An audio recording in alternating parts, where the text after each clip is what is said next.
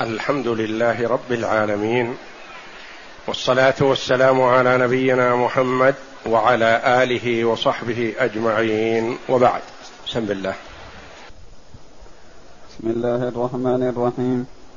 قال المؤلف رحمه الله تعالى الحديث الثامن والأربعون بعد الثلاثمائة عن عبد الله بن عمر رضي الله عنهما أنه قال إن اليهود جاءوا إلى رسول الله صلى الله عليه وسلم فذكروا له أن امرأة منهم ورجلا زنيا فقال لهم رسول الله صلى الله عليه وسلم ما تجدون في التوراة في شأن الرجم؟ فقالوا نفضحهم ويجلدون. قال عبد الله بن سلام رضي الله عنه كذبتم إن فيها آية الرجم.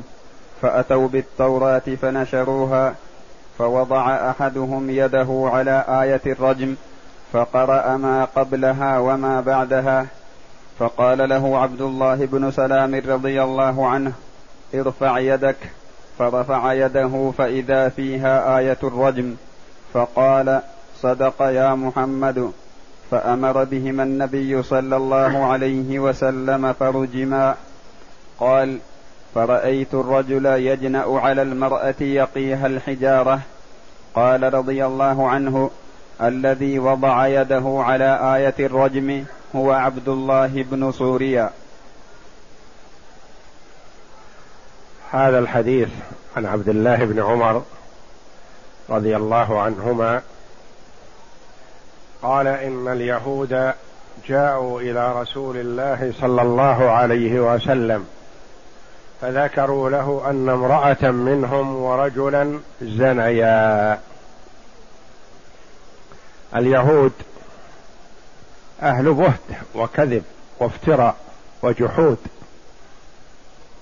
منذ قديم الزمان مع النبي صلى الله عليه وسلم. فهم كما قالوا كثر فيهم الزنا. ثم ومن كثرة الزنا إذا زنى من له عصبة يمنعونه ومن له جاه تركوه. وإذا زنى فيهم الضعيف أقاموا عليه الحد حد الرجم.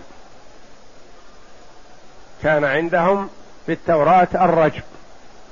ثم أنهم اجتمعوا وقالوا بما أنه يقع من هؤلاء ويقع من هؤلاء فلا بد أن نتفق على شيء واحد. فاتفقوا على أن يجلدوا الزاني ويشهروا به. يطمس وجهه بالفحم. ويركب الزانيان على حمار ويجعل ظهر أحدهما إلى ظهر الآخر. ويدار بهما. وتركوا الرجم الوارد في التوراة. ثم لما هاجر النبي صلى الله عليه وسلم إلى المدينة عرفوا يقينا أنه نبي وأن شريعته شريعة التخفيف والتسهيل والتيسير. فلما وجد فيهم الزنا قال بعضهم لبعض هلموا بنا نذهب إلى هذا النبي. لعلنا نجد في شريعته كما هو معروف التسهيل. فإذا سألنا الله عن ذلك يوم القيامة قلنا حكم فيها نبي من أنبيائك.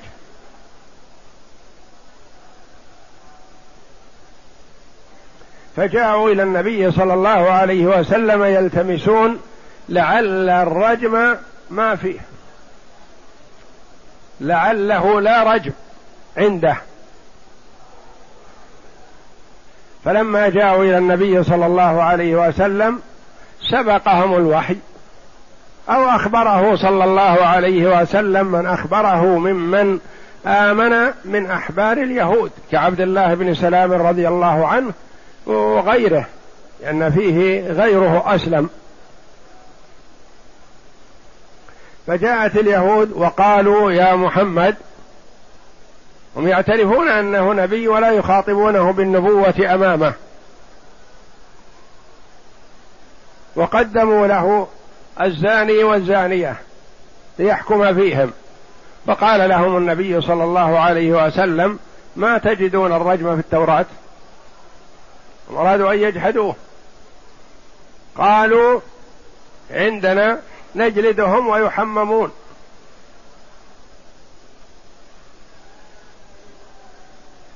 فقال عليه الصلاة والسلام فأتوا بالتوراة. نرى. وكان عليه الصلاة والسلام على علم أن آية الرجم في التوراة وأنها لم تغير ولم تبدل مما غير وإلا غير كثير منها. فجاءوا بالتوراة أمام النبي صلى الله عليه وسلم وبين يديه. فأخذ واحد منهم يقرأها ووضع يده على آية الرجم. وقرأ ما قبلها وما بعدها. وترك الآية.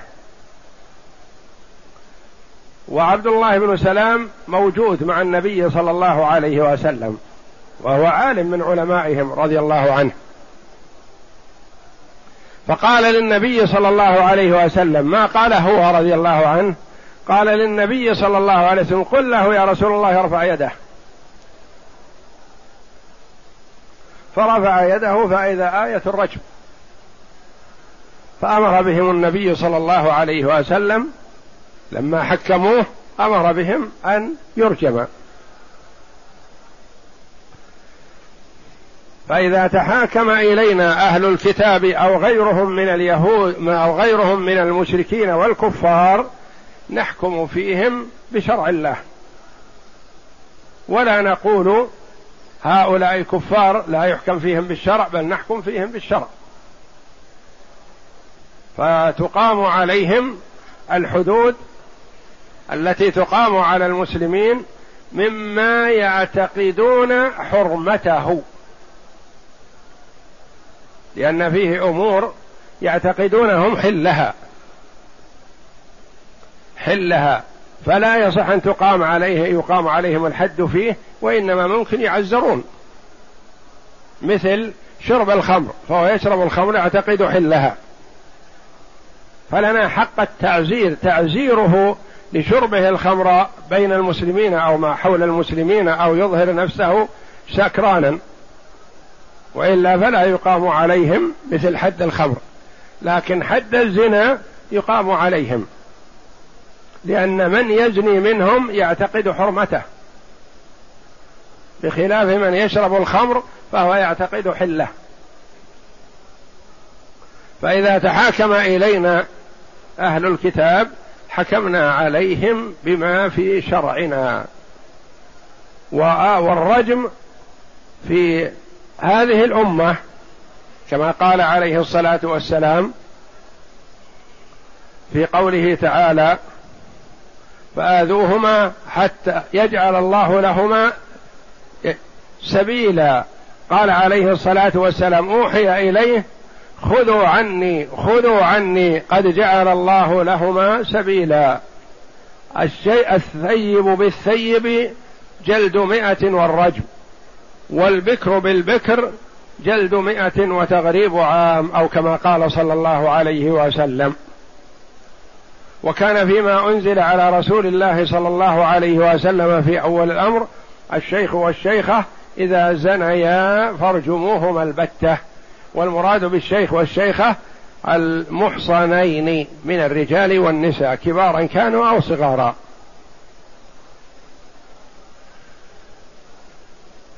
فهذا الحديث دل على ما عند اليهود من الحيل. تحيلوا وهم يعرفون في باطن الأمر أن محمدا رسول الله صلى الله عليه وسلم ويعرفون أن شريعته جاءت بالتسهيل والتخفيف وهم لا يخاطبونه بالنبوة فلا يظهرون اعترافهم بنبوته صلى الله عليه وسلم.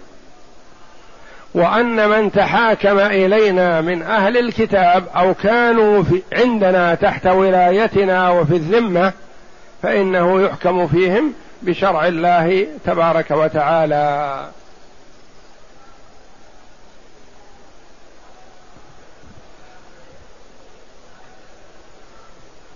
الغريب.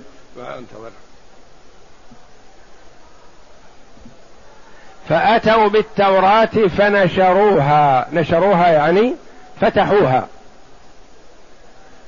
فوضع أحدهم يده على آية الرجم فقرأ ما قبلها وما بعدها. فقال له عبد الله بن سلام ارفع يدك. وفي الحديث الصحيحين قال للنبي صلى الله عليه وسلم يا رسول الله مره فليرفع يده. فرفع يده فإذا فيها آية الرجم فقال صدق يا محمد. يعني صدق عبد الله بن سلام هذه آية الرجم. فأمر بهم النبي صلى الله عليه وسلم فرجما قال فرأيت الرجل يجنع على المرأة وفي بعض الروايات يحنع وهما بمعنى متقارب يعني يميل إليها يقيها الحجارة. يريد أن تكون الحجارة عليه لا على المرأة. قال رضي الله عنه الذي وضع يده على آية الرجم هو عبد الله بن صوريا أحد علماء اليهود. وهو كافر. نعم. القريب عبد الله بن سلام بتخفيف اللام.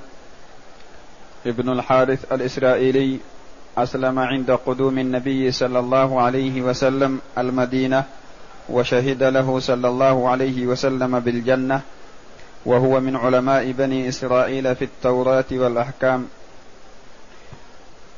وقد شهد له النبي صلى الله عليه وسلم بالجنة وهو من الذين يؤتون أجرهم مرتين لأنه آمن بنبيه وآمن بالتوراة وآمن بمحمد صلى الله عليه وسلم فرضي الله عنه وأرضاه. نعم. يجنأ على المرأة بفتح الياء التحقيق هو الذي يقول لما قدم النبي صلى الله عليه وسلم إلى المدينة انجفل الناس إليه. فلما رأيته وكنت في من انجفل فلما رأيته عرفت أن وجهه ليس بوجه كذاب رضي الله عنه. لما رأى وجه النبي صلى الله عليه وسلم رأى علامات الصدق في وجهه عليه الصلاة والسلام. عرفت أن وجهه ليس بوجه كذاب. ثم إنه رضي الله عنه آمن وشهد أن لا إله إلا الله وأن محمدا رسول الله. وقال يا رسول الله إن اليهود أهل بهت يعني كذب وافتراء. وأخشى لما حينما يعلمون بإسلامي أن يقذفوني بشيء أنا بريء منه. فربما وقع في نفسك شيء من ذلك. فأحب أن تسألهم عني قبل أن يعلموا بإسلامي. فلما اجتمع عنده أحبار اليهود عليه الصلاة والسلام قال ما تقولون في ابن سلام فيكم؟ قالوا عالمنا وخيرنا وابن خيرنا وأثنوا خيرا. قال أرأيتم إن أسلم أتسلمون؟ قالوا حاشاه من ذلك بعيد أن يسلم. فخرج رضي الله عنه وقال أشهد أن لا إله إلا الله وأشهد أن محمدا عبده ورسوله. ف بهت اليهود وقالوا هو شرنا وابن شرنا وهو وسبوه. قال يا رسول الله ألم أقل لك؟ يعني قلت لك إنهم إذا علموا بإسلامي سيرموني بأشياء أنا بريء منها لأنه من علمائهم ومن عقلائهم رضي الله عنه. وروي عنه أنه قال إني أعرف محمدا صلى الله عليه وسلم أكثر من معرفتي لابني. لأن معرفتي لمحمد صلى الله عليه وسلم أخبرني عنه ربي. ما في مجال للشك. وابني ما أدري ما صنعت أمه. رضي الله عنه وأرضاه. نعم.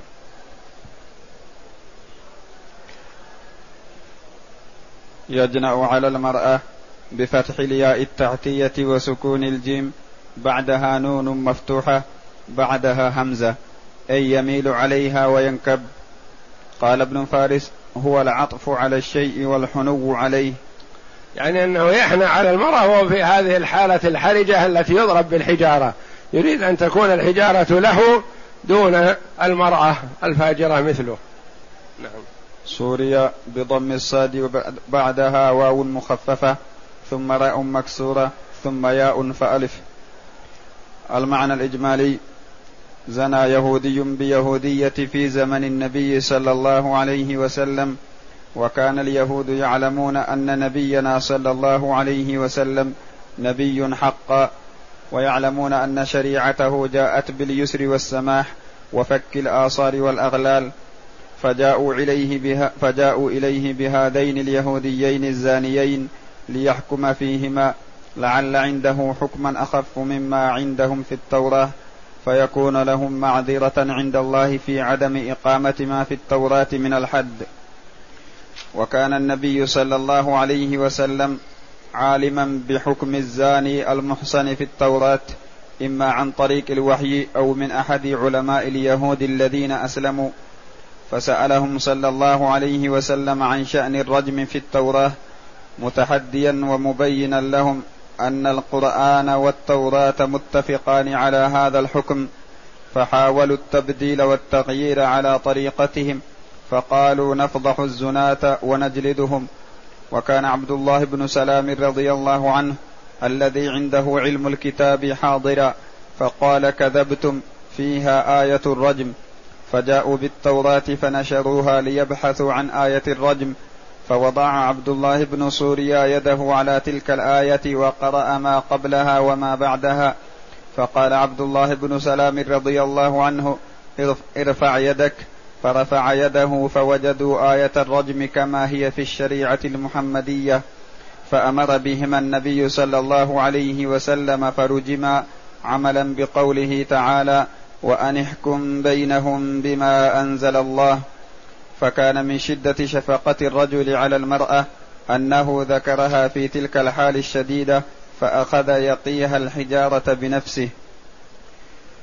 ما يستفاد من الحديث أولا وجوب حد الذمي إذا زنى وإقامة الحدود عليهم فيما يعتقدون تحريمه.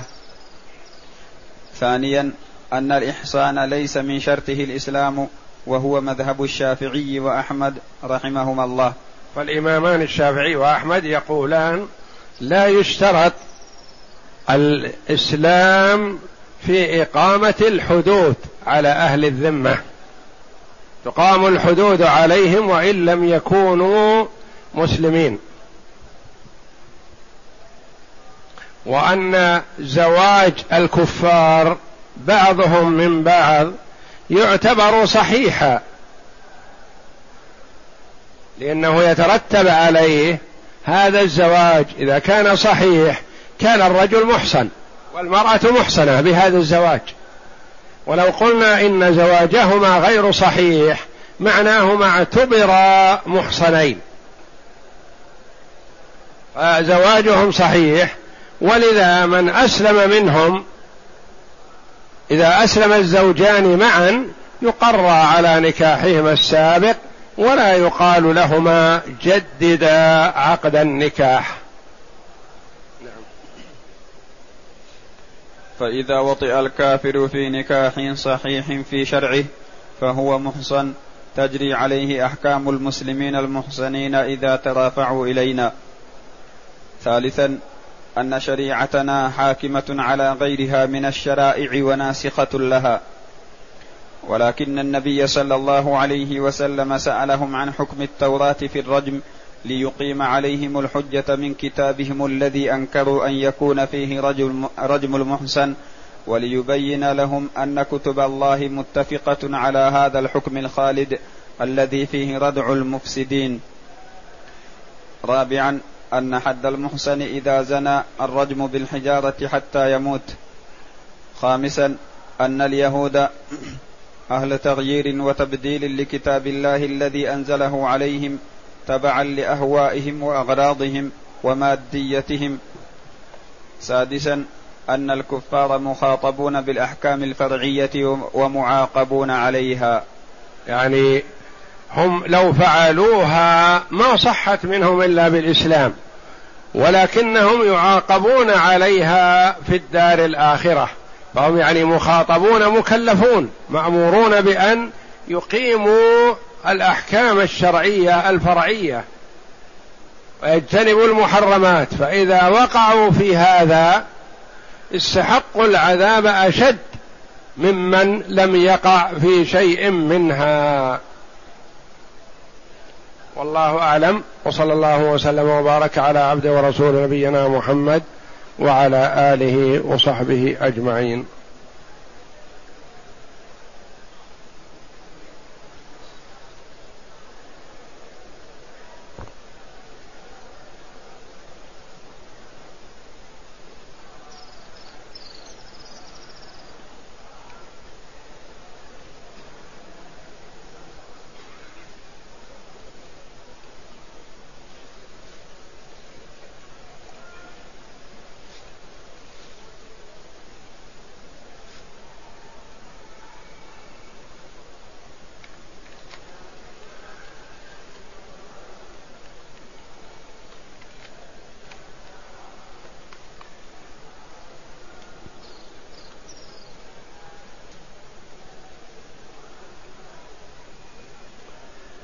يقول دخلت مكة بعد صلاة المغرب فصليت المغرب والعشاء قصرا. إذا كنت مسافر ولا تنوي الإقامة في مكة أكثر من أربعة أيام فلك ذلك. وإن كنت دخلت مكة وتنوي الإقامة بها فلا يسوغ لك القصر بل يجب عليك أن تصلي المغرب ثلاث ركعات في وقتها وتصلي العشاء أربع ركعات في وقتها.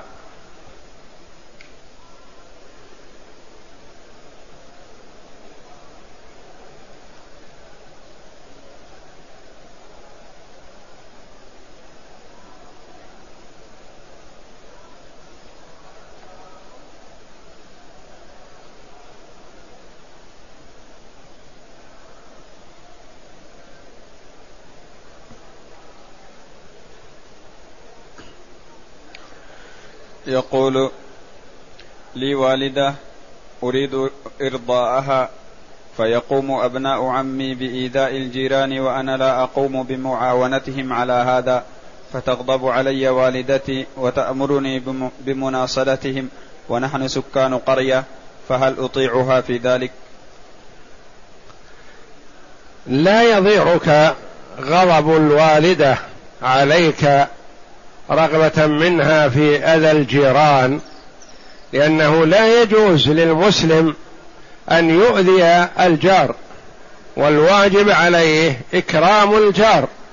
فلو أمرك أي آمر بأذى الجيران فلا يجوز لك أن تطيع وإنما الطاعة في المعروف تطيع الوالد والوالدة فيما يأمران به مما هو واجب أو مما هو مستحب أو ما هو مباح ولهما فيه مصلحة.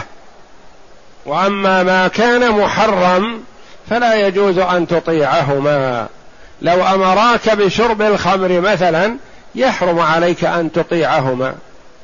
لو أمراك بأذى الجيران فيحرم عليك أن تطيعهما حينئذ. ولا يضيرك هذا ولا يعتبر هذا عقوق وغضبهما عليك من أجل أن تؤذي الجيران لا يضيرك ولا بأس عليك بهذا. لأن الله جل وعلا أوصى بالجار والنبي صلى الله عليه وسلم أوصى بالجار. وقال عليه الصلاة والسلام من كان يؤمن بالله واليوم الآخر فليكرم جاره. وقال صلى الله عليه وسلم ما زال جبريل يوصيني بالجار حتى ظننت أنه سيورثه. والله جل وعلا يقول والجار ذي القربى والجار الجنب.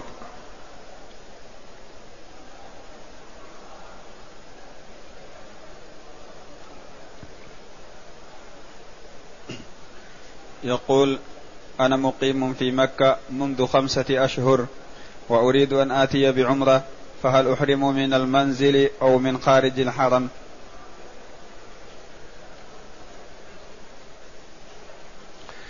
إذا رغبت في العمرة فيجب أن يكون عقدك نية الإحرام من الحل. ولا تعقد النية من الحرم. لبس الإزار والرداء لا بأس عليك في ذلك من أي مكان لبستهما. لو لبستهما في بيتك مثلا وخرجت ولا يلزم أن يكون عقد النية من التنعيم وإنما يكون من الحل من التنعيم أو من عرفات أو من الشرايع أو من أي مكان خارج مكة. ولبس الإزار والرداء لا بأس عليك من أي مكان لكن عقد النية يكون من الحل ثم تدخل الحرم. لأنه لابد في كل نسك أن يجمع المرء بين الحل والحرم. ففي العمرة يحرم من الحل ويدخل الحرم. وفي الحج لمن كان داخل مكة يحرم من الحرم يحرم من مكة ثم يخرج إلى الحل. يخرج إلى عرفات وعرفات من الحل. فلا بد في كل نسك من الجمع بين الحل والحرم. من أحرم من مكة وآتى بالعمرة من مكة وإحرامه من مكة فعليه هدي لأنه ترك واجب من واجبات الإحرام وهو الإحرام من الحل.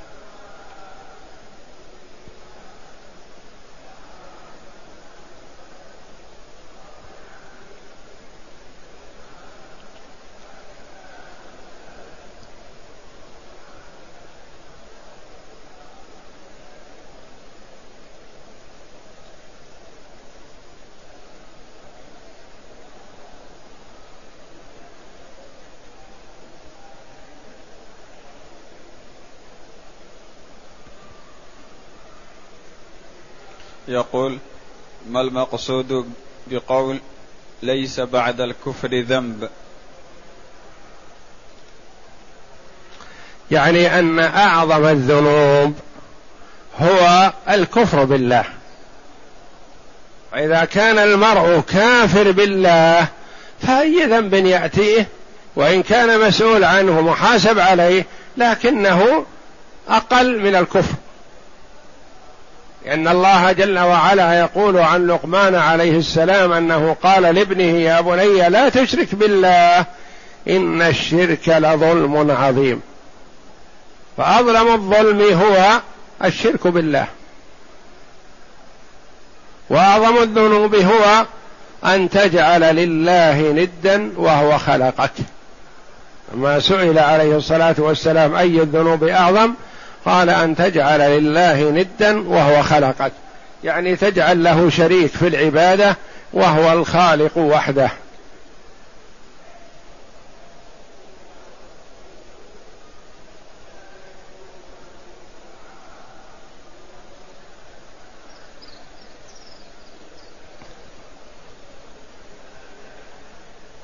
يقول هل المعتزلة والأشاعرة والجهمية والكلابية وغيرهم يحكم عليهم بالكفر.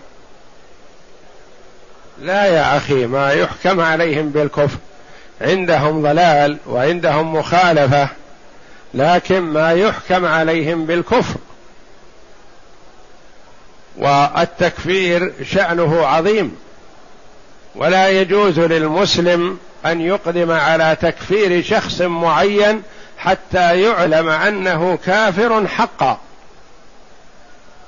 وإلا فلا يجوز إذا رآه مقصر في أمر من الأمور قال هذا كافر. لا يا أخي. ولا يجوز للمسلم أن يرمي آخرا بالكفر. فإن رماه فإن كان أهلا لذلك فبها. وإلا رجع عليه صار التكفير عائد إليه هو لأنه كفر مسلما.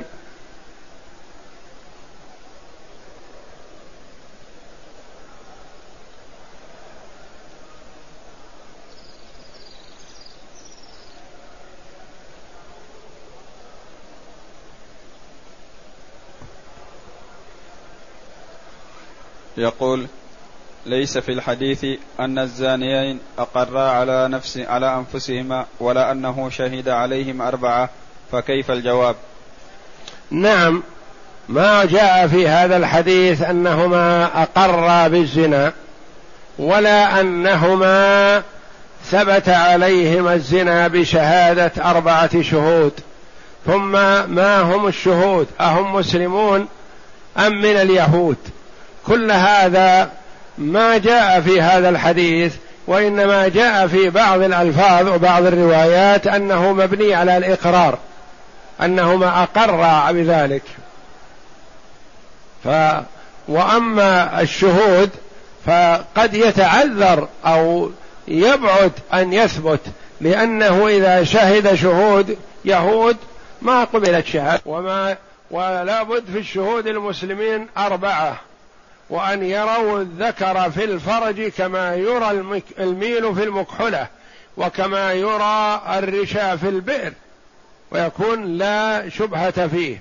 وأنا قلت في درس سابق أنه بعيد كل البعد أن يثبت الزنا بالشهادة لأنه متى يوجد أربعة شهود يشهدون ويرون الذكر في الفرج؟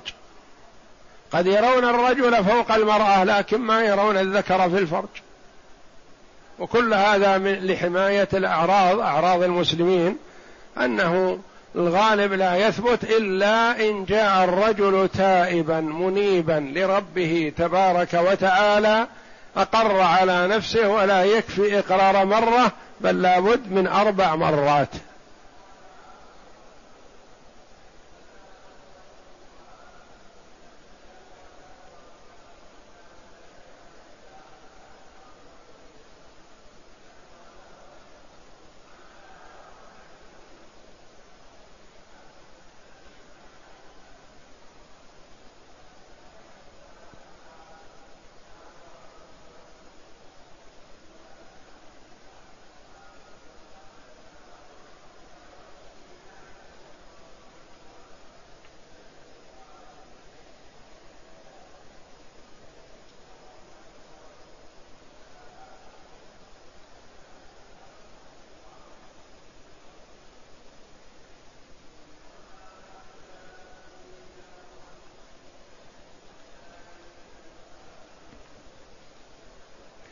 يقول هل يجوز قراءة القرآن في قيام الليل من المصحف؟ نعم يجوز أن تقرأ من المصحف أو من صفحة مكتوب فيها ما كتب من القرآن أو جزء من القرآن وأنت تصلي وخاصة صلاة النافلة لأنه يشرع في قيام الليل الإطالة في القراءة وقد لا يتمكن المرء من حفظ الشيء الكثير من القرآن فيأخذ المصحف ويقرأ به. وورد أن لعائشة رضي الله عنها إمام يصلي بها التراويح يقرأ من المصحف. فالقراءة من المصحف في النافلة جائز.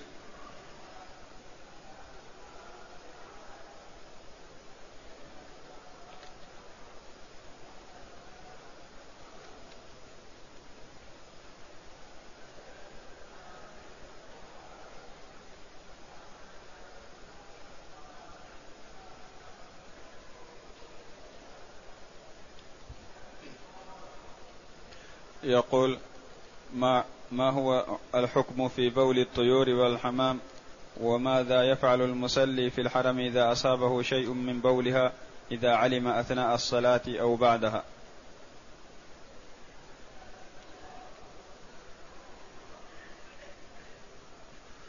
بول الطيور الطيور التي هي حلال لحمها في غير الحرم بولها طاهر وما يخرج منها طاهر لأن بول ما يؤكل لحمه وروثه طاهر لأن النبي صلى الله عليه وسلم أمر العرنيين الذين استوخموا المدينة أن يلحقوا بإبل الصدقة فيشربوا من أبوالها وألبانها فصحوا. فالبول بول الإبل علاج. ولبنها غذاء. فبول الإبل والبقر والغنم والطيور التي تؤكل كلها بولها وروثها وما يخرج منها طاهر وليس بنجس.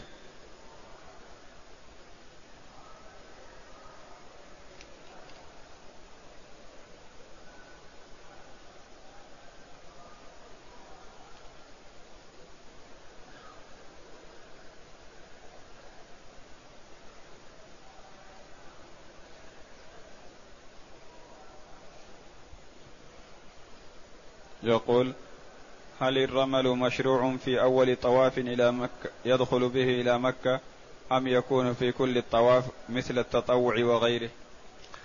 الرمل والإطباع سنة من سنن الطواف في أول طواف تقدم به إلى مكة. أول طواف حين قدومك إلى مكة يستحب لك الرمل والإطباع. إن كنت محرما. والرمل هو مقاربة الخطى مع الإسراع والإطباع أن تجعل وسط الردى تحت إبطك الأيمن وطرفيه على عاتقك الأيسر. فإذا انتهى الطواف رفعت الردى وجعلته على عاتقيك. ولا تطبع إلا في الطواف ولا يطبع الحاج إلا في الطواف الأول. فإذا انتهى الطواف الأول انتهى الاطباع. خلافا لما يفعله بعض الحجاج جهلا تجده مطبع في عرفات وفي منى وفي المشاعر ولا يشرع الاطباع وإنما يجعل الردى على العاتقين على الكتفين. إلا في أول طواف تقدم به إلى مكة. والرمل في الأشواط الثلاثة الأولى. دون الأربعة الأخيرة فلا ترمل فيها.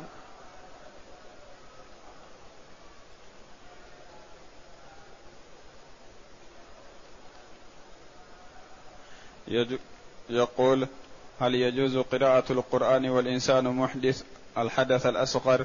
ولمس المصحف وهل يجوز لطالب العلم للحفظ؟ قراءة القرآن وأنت محدث حدثا أصغر لك ذلك. لكن الخلاف بين العلماء رحمهم الله في مس المصحف. هل المحدث حدثا أصغر يمس المصحف؟ أو يقرأ من غير أن يمس المصحف؟ القراءة من غير مس المصحف هذا لا إشكال فيه. يقرأ المرء القرآن ما لم يكن جنبا أو عليه حدث أكبر فيقرأ القرآن ولا يمس المصحف بيده إلا إن كان متطهرا. بعض العلماء رحمهم الله يرى أن مس المصحف للمحدث حدثا أصغر جائز. الذين منعوا هذا استدلوا بقوله تعالى في كتاب مكنون لا يمسه إلا المطهرون. قالوا المقصود ما يمس المصحف إلا طاهر. آخرون قالوا لا يمسه إلا المطهرون الضمير عائد إلى اللوح المحفوظ. واللوح المحفوظ ما يمسه إلا المطهرون الذين هم الملائكة عليهم الصلاة والسلام وأجازوا للمحدث أن يمس المصحف. والأولى تكريم كتاب الله جل وعلا فلا يمسه إلا متوضئ وإن احتاج إلى القراءة فيه فيضعه على كرسي إذا كان محدث يضعه على كرسي ويقلب صفحاته من وراء حائل أو بعود أو بسواك أو بنحو ذلك ولا يمسه.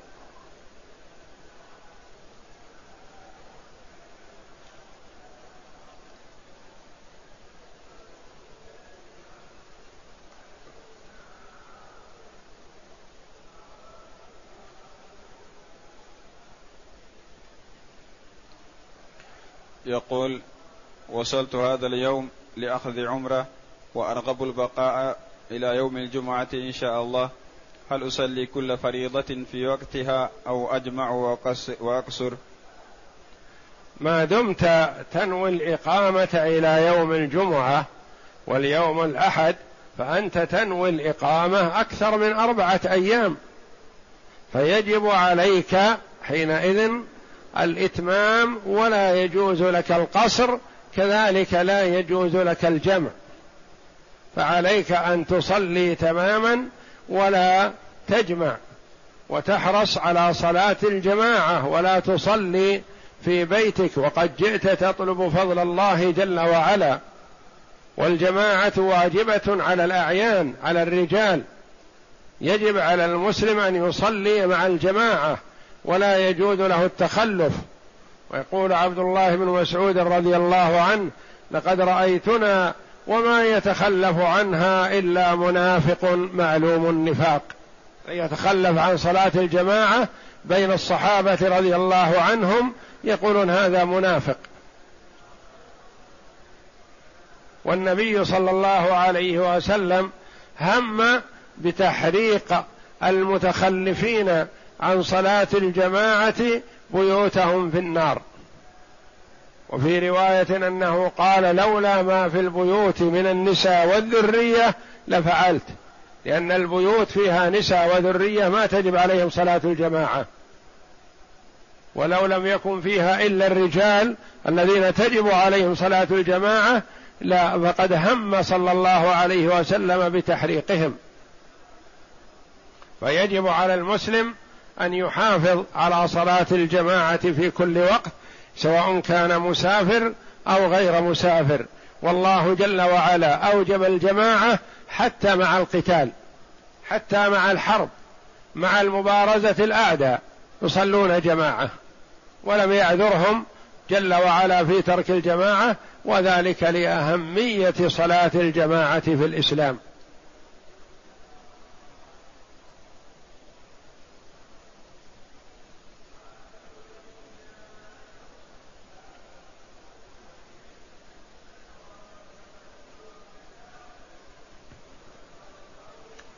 يقول هل هناك حديث يقول أن البقر لحومها داء وألبانها شفاء؟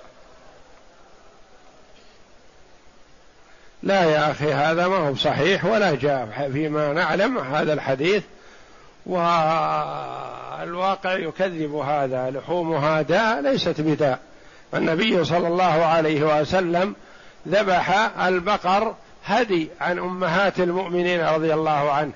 وهو لا يقدم عليه الصلاة والسلام إلا الطيب. ما يقدم للفقراء والمساكين لحما هو داء. لا ما هو صحيح.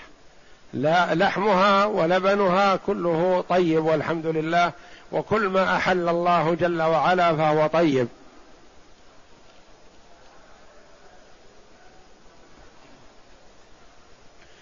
يقول أنا شاب أحفظ من القرآن والأحاديث والحمد لله وأنني على سمعة طيبة بين الجيران والأصدقاء لكن أقع في ذنب وأتوب منه وأرجع إليه وأتوب منه عشرات المرات ولكن دون جدوى وأرجع إليه فماذا أفعل؟ أنت أخي في مجاهدة مع الشيطان فعليك أن تتغلب عليه هو يتغلب عليك يغلبك وأنت تحاول أن تغلبه لكنه يتغلب عليك. واعلم أن كيد الشيطان ضعيف كما قال الله جل وعلا. فلا تكن أنت أضعف من هذا. فعليك أخي بمجاهدة الشيطان والتغلب عليه والبعد عما حرم الله جل وعلا. وإذا راودتك نفسك على ذلك فحذرها من عقوبة الله. واحذر المقت. واحذر أن يختم لك بسيء عملك. واحذر أن يكون هذا الذنب سبب لهلاكك في الدنيا والآخرة. وما دمت من أهل القرآن وتحفظ القرآن والحمد لله وتحفظ السنة فاحذر المحرم أخي. لا يتسلط عليك الشيطان من هذا الباب فيهلكك. ولا تيأس من أنك ستقوى عليه بإذن الله وستنتصر عليه بسؤال الله جل وعلا الإعانة والتثبيت. أكثر من التضرع إلى الله جل وعلا بأن يعينك عليه.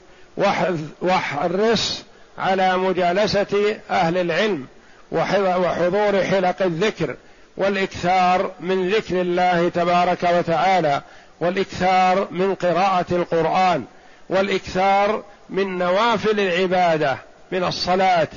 وحافظ على صلاة الجماعة فالله جل وعلا يقول إن الصلاة تنهى عن الفحشاء والمنكر ولذكر الله أكبر.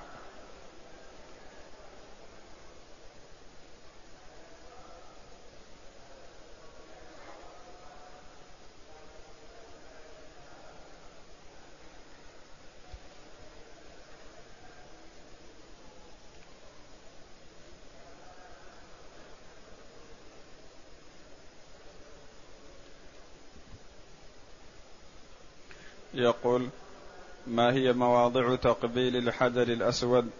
وأيهما أفضل صلاة ركعتي الطواف خلف المقام أو في الحجر؟ وما هو مكان الملتزم؟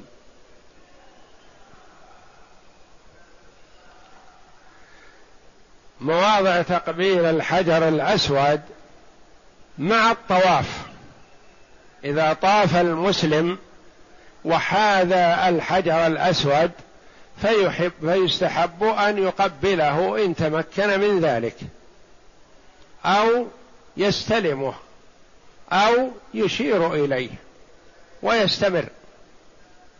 ويستحب كذلك بعد الطواف وصلاة ركعتين. لأن النبي صلى الله عليه وسلم لما دخل المسجد الحرام طاف وكان يقبل الحجر الأسود. فلما انتهى عليه الصلاة والسلام من الطواف صلى ركعتين خلف المقام ثم بعد هذا وقبل أن يخرج إلى السعي عاد إلى الحجر الأسود وقبله عليه الصلاة والسلام.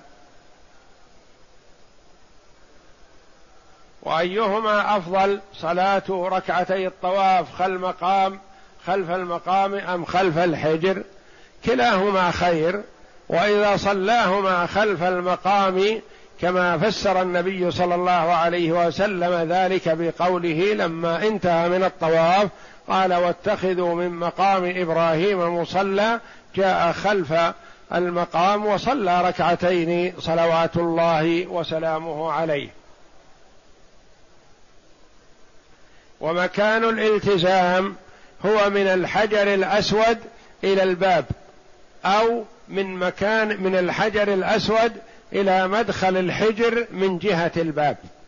هذا مكان الالتزام يلصق المرء صدره وراحتيه وذراعيه وصد وخده بالكعبة ويسأل الله ما أحب من خيري الدنيا والآخرة. والالتزام قال العلماء رحمهم الله يستحب عند القدوم وعند الوداع وعند الانصراف من مكة.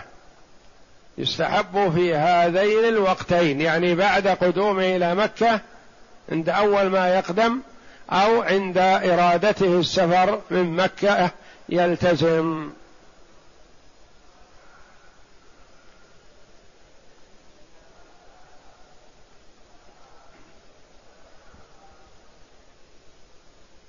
يقوم يقول ما حكم صيام أربعة أيام متتالية في الأسبوع الواحد؟ لا بأس بذلك والصيام مستحب وكان النبي صلى الله عليه وسلم كما قالت عائشة وقال غيرها من الصحابة يصوم حتى نقول لا يفطر ويفطر حتى نقول لا يصوم يعني كان يتابع الصيام عليه الصلاة والسلام ويتابع الفطر إلا أنه ما نقل عنه أنه صام شهرا كاملا سوى رمضان عليه الصلاة والسلام. فالمرء إذا تيسر له الصيام مثلا كان في إجازة أو في راحة أو في مكة أو عنده قدرة يواصل الصيام لكن لا يواصل صيام شهر كامل يواصل الصيام. وإذا رتب صيامه بحيث يصوم في كل شهر ثلاثة أيام فذلك بصيام الدهر. أو يصوم يوم الاثنين والخميس فقد سئل النبي صلى الله عليه وسلم عن صيامهما لأنه كان يتحراهما عليه الصلاة والسلام فقال هما يومان تعرض فيهما الأعمال وأحب أن يعرض عملي وأنا صائم. فإذا صام الاثنين والخميس من كل أسبوع أو صام الاثنين وحده أو صام الخميس وحده أو صام أيام البيض الثالث عشر والرابع عشر والخامس عشر فحسن ولا يلزم أن يستمر على طريقة واحدة بل يجوز له أن يصوم ثلاثة أيام من الشهر أحيانا في أوله وأحيانا في آخره وأحيانا في أيام البيض وأحيانا يفرقها وأحيانا يجمعها ما في حرج لأن الصيام بحد ذاته مستحب وهو من أحب الأعمال إلى الله جل وعلا. والنبي صلى الله عليه وسلم يقول عن ربه تبارك وتعالى أنه يقول كل عمل ابن آدم له الحسنة بعشر أمثالها إلى سبعمائة ضعف. يقول الله جل وعلا إلا الصيام فإنه لي وأنا أجزي به. فالصيام ثوابه لا يقدر قدره إلا الله تبارك وتعالى. وتجتمع في الصيام أنواع الصبر الثلاثة. والله جل وعلا يقول عن الصابرين إنما يوفى الصابرون أجرهم بغير حساب. يعطى يعني بغير حساب وبغير تقدير. يعطيه الله جل وعلا الثواب الجزيل. والصوم تجتمع فيه أنواع الصبر الثلاثة. الصبر على طاعة الله والصبر عن معصية الله مخالفته. والصبر على أقدار الله المؤلمة الجوع والعطش. وكلها تجتمع في الصيام ولهذا كان ثوابه عند الله جل وعلا عظيم لا يقدر قدره إلا الله تبارك وتعالى.